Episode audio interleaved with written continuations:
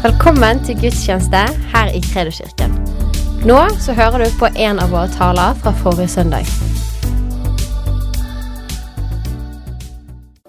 Så bra ser dere her på en solfylt bergensdag. Eh, vi skal Det er jo aktuelt i tiden, og også når vi ba for Kenneth og Svanhild, og de på en måte skal lede an i arbeidet i Israel, så det er et veldig viktig tema som er i dagen nå.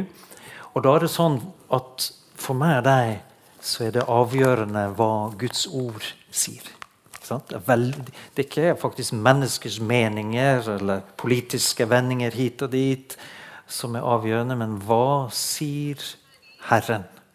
Det er det som alt annet må underordne seg. Eh, før vi går dit, så har vi fått en hilsen fra en venn av oss som også eh, har vært her for eh, underkant av to år siden. Pastor Israel. Han leder en, en menighet i Ashtod, hvor vi samarbeider med dem og hjelper til for å hjelpe de fattige og også plante nye menigheter, bl.a. i Askelon, som er helt på grensen til Gaza. Så vi skal få en hilsen fra ham først. Shalom, dear Credo Church. Shalom, dear brothers and sisters. Thank you for your prayer support and financial support.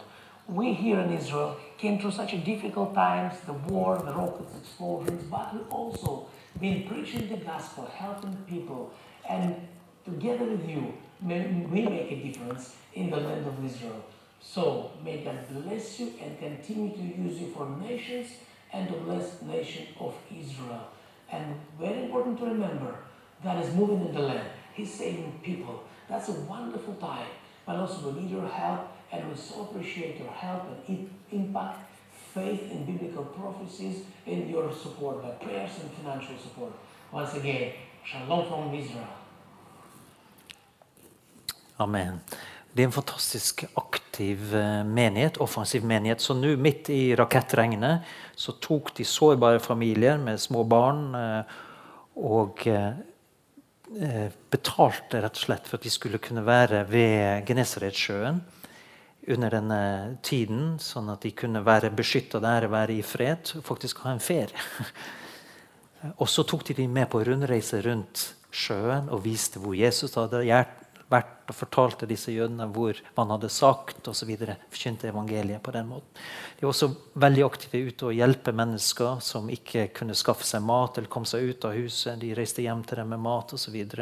og framme ved frontlinjen og oppmuntra soldatene osv. Så, videre, og så, videre. så dette er virkelig bra folk.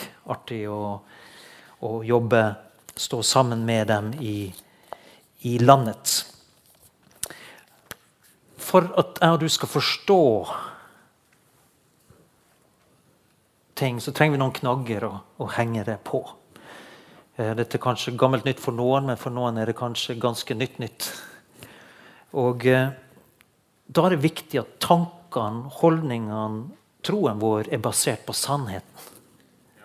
At ikke vi baserer vårt syn eller våre vurderinger eller vår forståelse av ting på ting som skjer, eller på media, eller på ting vi hører av våre venner eller vår, vår onkel eller andre, men at vi kan knytte det til Gud. For han er skaperen, og han er også den som har gitt oss sitt ord. Hvis ikke så blir vi forvirra. Vi blir rådløse. Hvordan skal vi forstå? Hvordan skal vi tolke? I apostelens gjerninger, i kapittel 1, da har Jesus stått opp igjen fra de døde, og han forbereder sine disipler på at de skal gå ut og forkynne evangeliet. Dette er før han skal da du vet, Han var 40 dager sammen med dem etter sin oppstandelse. Og så før han skulle gå tilbake til far, så sier han noen ting som vi skal lese. En gang han spiste sammen med dem, påla han dem dette. Dere skal ikke forlate Jerusalem, men vente på det som far har lovet, det som dere har hørt av meg. For Johannes døpte med vann, men dere skal om noen få dager bli døpt med Den hellige ånd. Mens de var sammen, spurte de ham, Herre, Er tiden nå kommet da du vil gjenreise riket for Israel? Han svarte. Det er ikke dere gitt å kjenne tider og stunder som far har fastsatt av sin egen makt. Men dere skal få kraft når Den hellige ånd kommer over dere, og dere skal være mine vitner i Jerusalem og hele Judea, i Samaria og helt til jordens ende. Forunderlig. Her hadde disiplene vært sammen med Jesus i tre år. Men ikke engang hadde de fått den forståelsen av at Guds løfte til Israel at det var endra på. Men de fikk beskjed om det er ikke dere gitt. Dere vet ikke. Det er opp til Faderen når oppfyllelsen av løftene, Davids rike, skal komme. Fredsriket skal komme. Men dere skal få kraft, og så skal dere gå ut og forkynne evangeliet. Jesus hadde undervist dem om Guds rike. Han hadde undervist dem om himmelens rike. Men det var ingenting i det han hadde sagt, som gjorde at de måtte omtolke hele Skriften og løftene.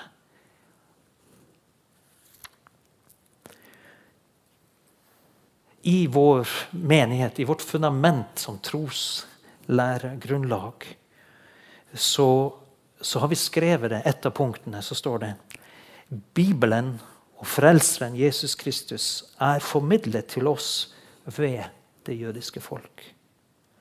Ved Guds paktsløfte til Israel har han gitt jødene det landet de nå bor i, med Jerusalem som hovedstad. Menigheten velsigner Israel og det jødiske folk.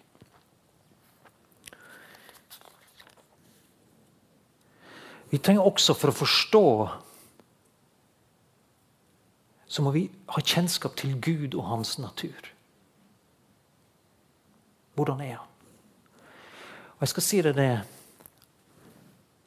at for 3800 år siden cirka, så var det en mann som heter Abraham, som var villig til å ofre sin egen sønn til Gud. Det rørte ved Guds hjerte til den grad at han sa den mannen jeg sverger ved meg sjøl at jeg kommer til å velsigne den mannen, hans etterslekt. Alle jordens familier skal bli velsigna gjennom den mannen. Og hans etterkommere skal ta dette landet der, du, der han ferdes nå, i eie. Du skjønner det? Når Gud lover noe og sverger ved seg sjøl, så garanterer det at han kommer til å oppfylle det. Han gjentok løftene til Isak, til Jakob, til israelsfolket i Egypt, Moses. Og du ser også profetene Esekiel, Jeremia, Jesaja, alle sammen, Amos, Zakaria, Haggai Alle sammen fikk ulike bekreftelser på disse løftene. Og så ser du en hentydning her. Jesus også. Bare sier det kommer til å skje. I 5. Mosebok, kapittel 7, vers 6-8 står det For du er et hellig folk for Herren din Gud. Blant alle jordens folk har Herren din Gud valgt deg til å være hans folk. Hans dyrebare eiendom. Når Herren har godhet for dere og valgte dere ut, var det ikke fordi dere var større enn alle andre folk, for dere er det minste av alle folk, folkene, men fordi Herren elsket dere og ville holde eden han hadde sverget for deres fedre.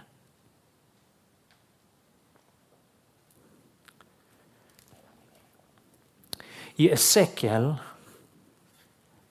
kapittel 36 skal vi lengre, lese et lengre avsnitt her. Der står det Jeg spredte dem blant folkeslagene, og de ble strødd ut i landene. Jeg dømte dem etter deres ferd og gjerninger. Men overalt hvor de kom blant folkeslagene, vanhellighet de mitt hellige navn. For det ble sagt om dem, dette er Herrens folk, men de måtte dra ut av hans land.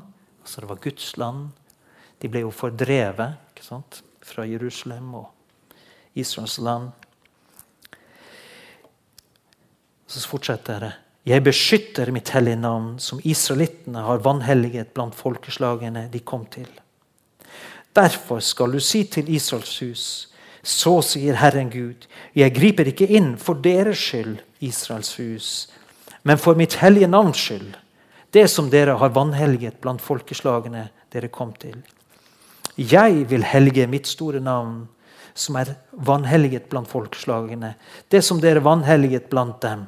Folkeslagene skal kjenne at jeg er Herren, sier Herren Gud, når jeg gjennom dere viser meg hellig for øynene på dem. Så Gud kommer til å bruke, bruke jødene og Israel for å demonstrere seg sjøl for folkeslagene. Og så står det 'Jeg henter dere fra folkeslagene', 'samler dere fra alle landene' og fører dere hjem til deres eget land'. Jeg stenker rent vann på dere, så dere blir rene. Jeg renser dere for all urenhet og for alle avgudene. Jeg gir dere et nytt hjerte, og en ny ånd gir jeg inni dere. Jeg tar steinhjertet ut av kroppen deres og gir dere et kjøtthjerte i stedet. Jeg gir min ånd i dere og gjør at dere følger forskriftene mine og holder lovene mine og lever etter dem. Og så kommer det. Da skal dere få bo i det landet jeg ga fedrene deres. Dere skal være mitt folk, og jeg skal være deres Gud. Så vi ser det, det at Gud samler dem igjen til landet, er knytta til løftene til fedrene. Og så er det knytta til at de skal få et nytt hjerte, en ny ånd. De skal bli født på nytt. Det er altså ikke noe forskjell på det jødiske folket og alle andre folk i form av de er mer syndige eller mindre syndige eller andre. De er likestilt i så måte.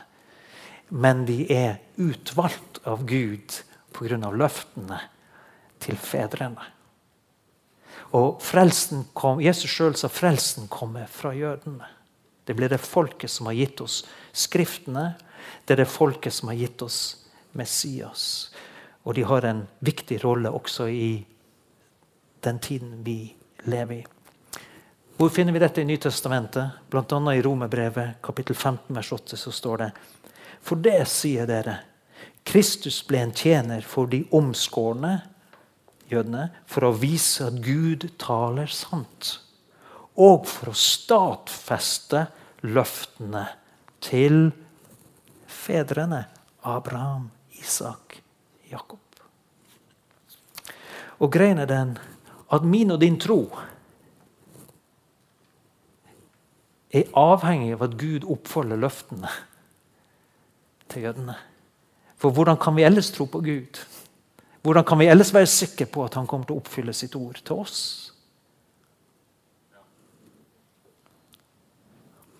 Jerusalem betyr fredens by. Jerusalem kommer til å bli hovedsete for et fredsrike på jorden. Jesajas 2 fra vers 2 til 4 står det I de siste dager skal det skje. Det ligger ennå foran oss. At Herrens tempelberg skal stå urokkelig som det høyeste av fjellene og rage over høydene. Dit skal alle folkeslag strømme. Mange folk skal dra av sted og si, 'Kom, la oss gå opp til Herrens fjell, til Jakob, Guds hus', så han kan lære oss sine veier, og vi kan ferdes på hans stier. For lov skal gå ut fra Sion, Herrens ord fra Jerusalem. Han skal dømme mellom folkeslag og skifte rett for mange folk. Og så kommer det De skal smi sverdene om til plogskjær og spydene til vingårdskniver. Folk skal ikke løfte sverd mot folk og ikke lenger læres opp til krig. Jerusalem, Fra Jerusalem kommer de store folkeslagene til å lære seg å ikke krige.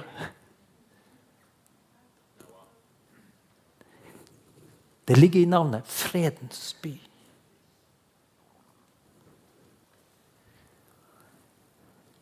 Jerusalem har vært jødenes hovedstad, om du vil.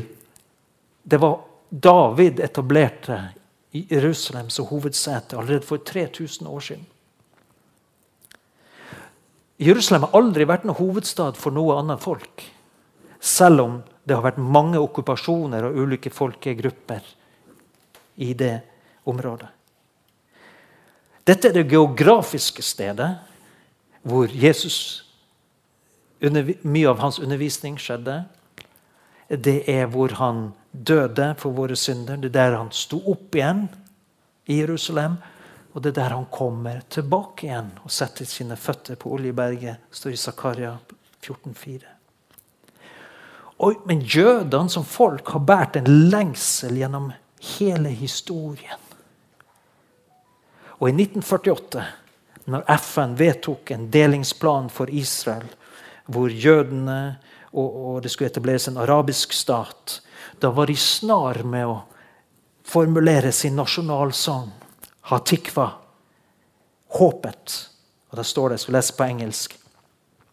As long as within our hearts the Jewish soul sings, as long as forward to the east to Zion looks the eye, our hope is not yet lost. It is 2,000 years old to be a free people in our land, the land of Zion and Jerusalem. I Bibelen så nevnes Jerusalem over 800 ganger.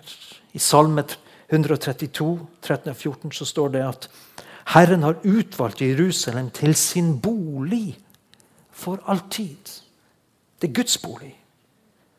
I Salme 137, 5 og 6 står det at altså det er en befaling om å aldri glemme Jerusalem og opphøye, opphøye byen over sin største glede. Det er noe jødene alltid har gjort. Ved det årlige sedermåltidet har de alltid sagt 'neste år i Jerusalem'. Det er også sånn at Skriften sier at Jerusalem kan ikke og skal ikke deles. Salme 122, 3 og 4 står det. Våre føtter står i dine porter, Jerusalem. Jerusalem, du er bygd som en hel og samlet by. Under frigjøringskrigen Staten Israel ble etablert, proklamert 14. mai 1948. Og da angrep fem arabiske land denne nyfødte nasjonen.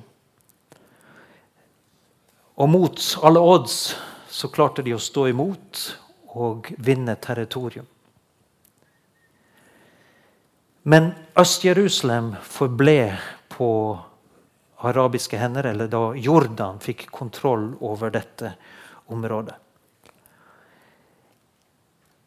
De hadde kontrollen i 19 år. Men 7. juni 1967, på min ettårsdag, inntok jødene også østre delen av Jerusalem. Men løp, i løpet av de 19 årene så hadde da Jordan tillatt at 34 av 35 synagoger var blitt ødelagt i Øst-Jerusalem, gamle byen der. De var brukt til stall, til latriner. Eh, gravlundene, som er så viktig for jødene, langs Oljeberget, var vandalisert. De hadde tatt disse gravsteinene og brukt det som bygningsmaterialer. Vestmuren, som er så hellig for jødene, hadde de brukt som søppelplass. Ingen jøder fikk oppholde seg i Øst-Jerusalem. Når de israelske militære styrkene tok kontrollen her, så var det først, noe av det første som forsvarsministeren Moshe Dayan proklamerte. Han sa vi strekker ut en vennskapshånd til araberne eller palestinerne. Og vi vil sørge for at det er fulle religiøs frihet for alle, for muslimer og kristne i denne byen. Hvilken forskjell i mentalitet. Og jeg skal si deg én ting. Vi skal være sjeleglade for at det er Israel og jødene som har kontroll over Jerusalem. Jeg er veldig glad for det ikke er noen av de historiske katolske eller ortodokse kirkene. Jeg er veldig glad for at det ikke er noen protestantisk kirke heller. Eller FN, for den del. Tenk det at selv om de hates intenst av en god del av de som går opp på Al-Aqsa-moskeen, så lar de dem i toleransens navn få gjøre det. Hvilken andre land hadde tillatt og akseptert dette? Men de har holdt sitt løfte. Kristne, muslimer, andre skal få lov å komme til Jerusalem og tilbe.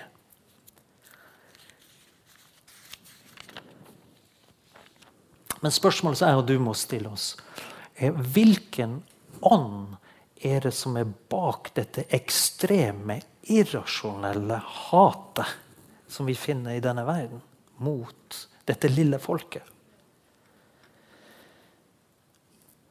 Og jeg vil si det sånn sånn. Det er, gjennom historien så forstår vi det, at det er hva jeg vil kalle for en folkemordsånd. I Bibelen har vi eksempler. Dronning Ester, allerede den gangen så ble det forsøkt å utrydde dette folket. Gud berga dem. Så vet vi at Og Jesus forutså jo dette her. At tempelet kom til å bli ødelagt. Og vi vet fra historien det var nettopp det som skjedde. En krig 66-73. Tempelet ble inntatt av den romerske hæren i år 70. Det kom en ny krig i 115 til 117. Og så kom det enda en voldsom krig, Bar Kochba-opprøret. Altså, de gjorde opprør i Judea mot romerske styre. Og de fikk jo på en måte kontroll over deler av landområdet i ca. to, to og et halvt år. Men så blir de knust av de romerske legionene. Og man mener da at i denne perioden så ble ca. 1,4 millioner jøder slakta og drept. Det var delvis deres egen skyld, i form av opprør mot en overmakt. Jesus hadde forutsagt det. Eh, Zakaria 13 sier det at to tredjedeler av folket kom til å bli utrydda. Jeg tror det var i den tiden at det ble oppfylt. En tredjedel av dem overlevde. Denne en tredjedelen står det bli, skulle bli lutra som gull. Gjennom 2000 år har de kjempa for sin overlevelse ute blant folkeslagene. Og så kommer vi til holocaust vårt, på vårt eget kontinent, hvor seks millioner av dem blir slakta på en femårsperiode. Før det hadde de opplevd pogromer av grusomme slag. Utstøtt av Spania. Slakta i det som er Russland Altså alle disse landene. Ukraina, Latvia altså For grusomme historier. Hata i Polen. Men overlevd som folk. Og så blir seks millioner av dem slakta. Den samme ånden er det som gjør at Iran sier i dag vi vil utslette staten Israel. Vi vil drepe alle sammen, eller drive dem ut. Hamas, Hizbollah, alle disse har akkurat det samme i seg. Dette hatet som går langt utover det vi kan forstå.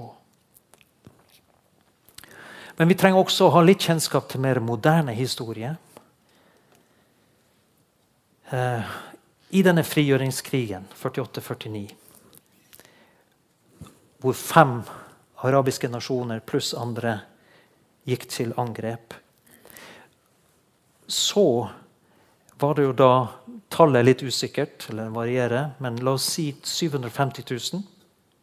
Noen sier 520 000 oppover. 750 000 av det som vi da kaller for palestinerne, eh, forlot sine hjem i den krigen. Eh, men det som er sant, det er at i underkant av 70% av dem så aldri noe israelsk soldat, men av frykt for, for, for kampene.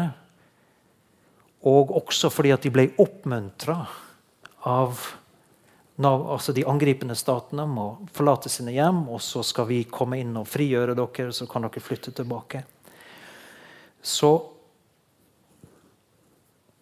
ja, ble de drevet fra sine hjem, de flykta, og de havna, noen av de havna i det som i dagens Vestbredden, litt, noen få i Gaza, men så var de også inne i Jordan, Libanon, Syria.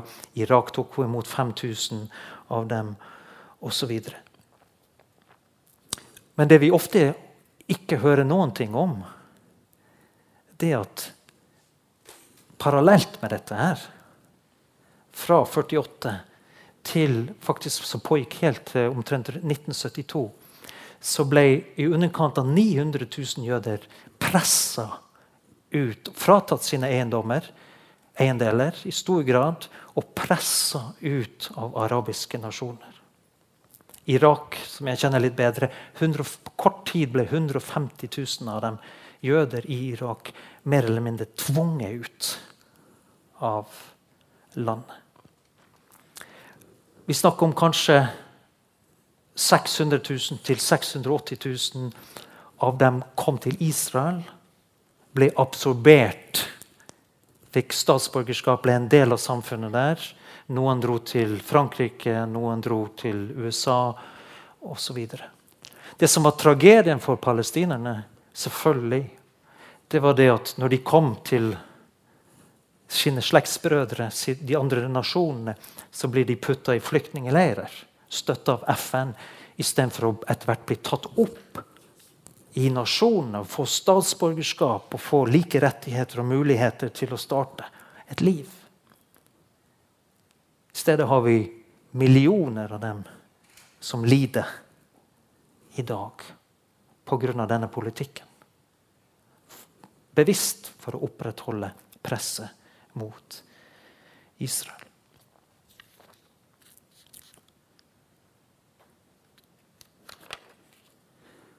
Spørsmålet er fins det noen politisk løsning på dette. her?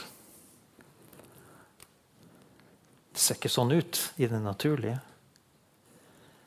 Men ut ifra Guds ord så fins det også politiske løsninger. For første, vi må forsone oss med jødene og Israel. Forstå hvem de er. Forstå at dette er Guds land. Dette er et folk som han har en plan med. Det fins 21, 21% av Israels borgere i dag som har ID, altså ID-kort, israelsk ID-kort, er arabere. Palestinske arabere. 21 Ca. 150 000 ble igjen etter frigjøringskrigen. Og etterkommerne av dem de er i underkant av to millioner i Israel i dag. De bor i Israel. De jobber der, de lever der, de går på skole der. De er en del av samfunnet. De er representert i Knesset osv. Men det fins bare én måte for de omkringliggende nasjonene og for palestinerne. Forson dere med jødene og Israel. Men det fins en annen ting som er over det òg igjen. Det må skje en forsoning i hjertet. Og den fins bare i Kristus Jesus. Og jeg har lyst til at vi skal få høre en, et vitnesbyrd. Dette er en venn av meg, palestiner, som jeg har hatt en del med å gjøre i Irak. Vi har vært sammen i Jerusalem også. Bare føye til De som bor i Israel, til og med Skriften sier, Esekel 37, vers 22 og 23, de skal ha samme rettigheter som jødene. Sier Bibelen. De skal ha samme rettigheter, de som bor i landet. Druserne, beduinene, andre som bor der. Skal vi se den videoen og høre denne, dette, denne historien? Good morning, my friend. Uh, I would like to share with you a little bit of my testimony.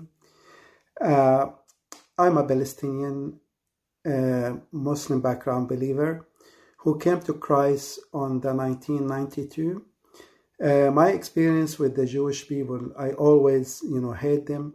Uh, and I raised in, in a house who hate the Jew, and we all think the Jew they are you know they persecute our people they took our land and as as many of you know this is the issue has been for 70 or more, more than 70 years old anyway uh, when i became to christ and i gave my life to jesus in 1992 1993 i went to the conference to cyprus with my church and that day we had uh, a group of people they coming from israel and they are messianic jew and they came to, to give a report about God's work in Israel among the Jewish people. For me, I was attending that conference, sitting there in that room. I really was so angry. It's the first time in my life to see a Jew and the people who came from Israel to Cyprus. And uh, my heart is full of anger. I just waiting for this meeting to finish, and I said I was gonna go and fight with these people. Anyway, when that, when these guys they just finished sharing about the gospel and about the Christ and about what God is doing in Israel, the Lord just touched my heart.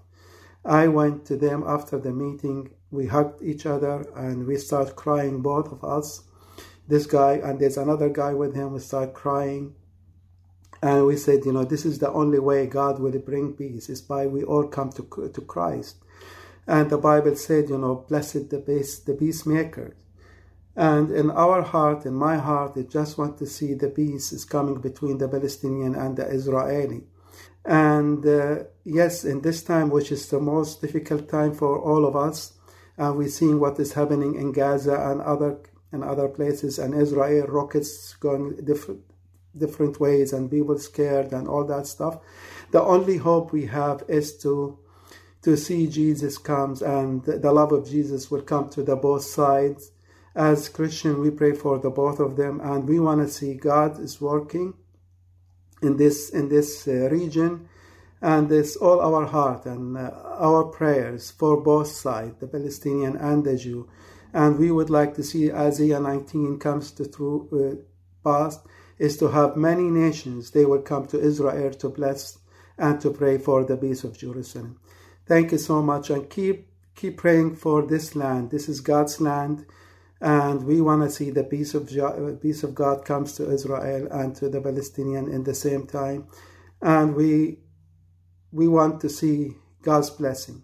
Keep praying for this this especially this time for what is going and what is happening there. And thank you so much for listening to me. Thank you. Så hva skal vi gjøre? jeg og du, som tror på denne eh, Messias, jødenes Messias.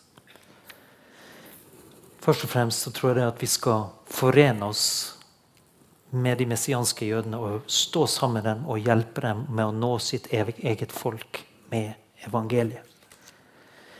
Det, det vokser. I Israel i dag finnes det 20 000 pluss-minus. I 1992 var det bare 500, så langt vi vet. Eh, der er I USA er det mange messianske forsamlinger nå. Mellom 300 og 400. Det fins flere i Russland, Ukraina. Det er også vekst i Sør-Amerika blant jødene som oppdager sin egen Messias. Og vi vet ut ifra løftene i Skriften, bl.a. Romerbrevet kapittel 11, eh, Zakaria 12, 10, at en eller annen dag i framtiden så kommer de som folk, som nasjon, og vender seg til Messias til deres Messias. Så her har vi en oppgave, og vi skal samarbeide med dem i den store, vide misjonsbefalingen å nå nasjonene med evangeliet. Vi skal gjøre det sammen med dem. De har en viktig rolle sammen med oss. Å nå de folkeslagene som aldri har hørt evangeliet. Så sier Bibelen også veldig tydelig, Salme 122, vers 6. Be om fred for Jerusalem. Må de som elsker deg, leve trygt. står det I Jesajas 62 så står det det at jeg har sagt vaktmenn ut på murene dine, Jerusalem. De skal aldri tie, verken dag eller natt. Dere som påkaller Herren, ikke under ro. La ham ikke få ro før han bygger Jerusalem opp igjen og gjør henne til en lovsang på jorden. Så Gud sier, 'Ikke gi meg fred', for å oppfylle løftene. Og mitt fredsrike kommer med sete i Jerusalem. Og vi, han sier, ikke unn dere fred. Vi kan ikke unne oss fred før disse tingene er gått i oppfyllelse. Skal vi be sammen? Tusen takk for at du lyttet.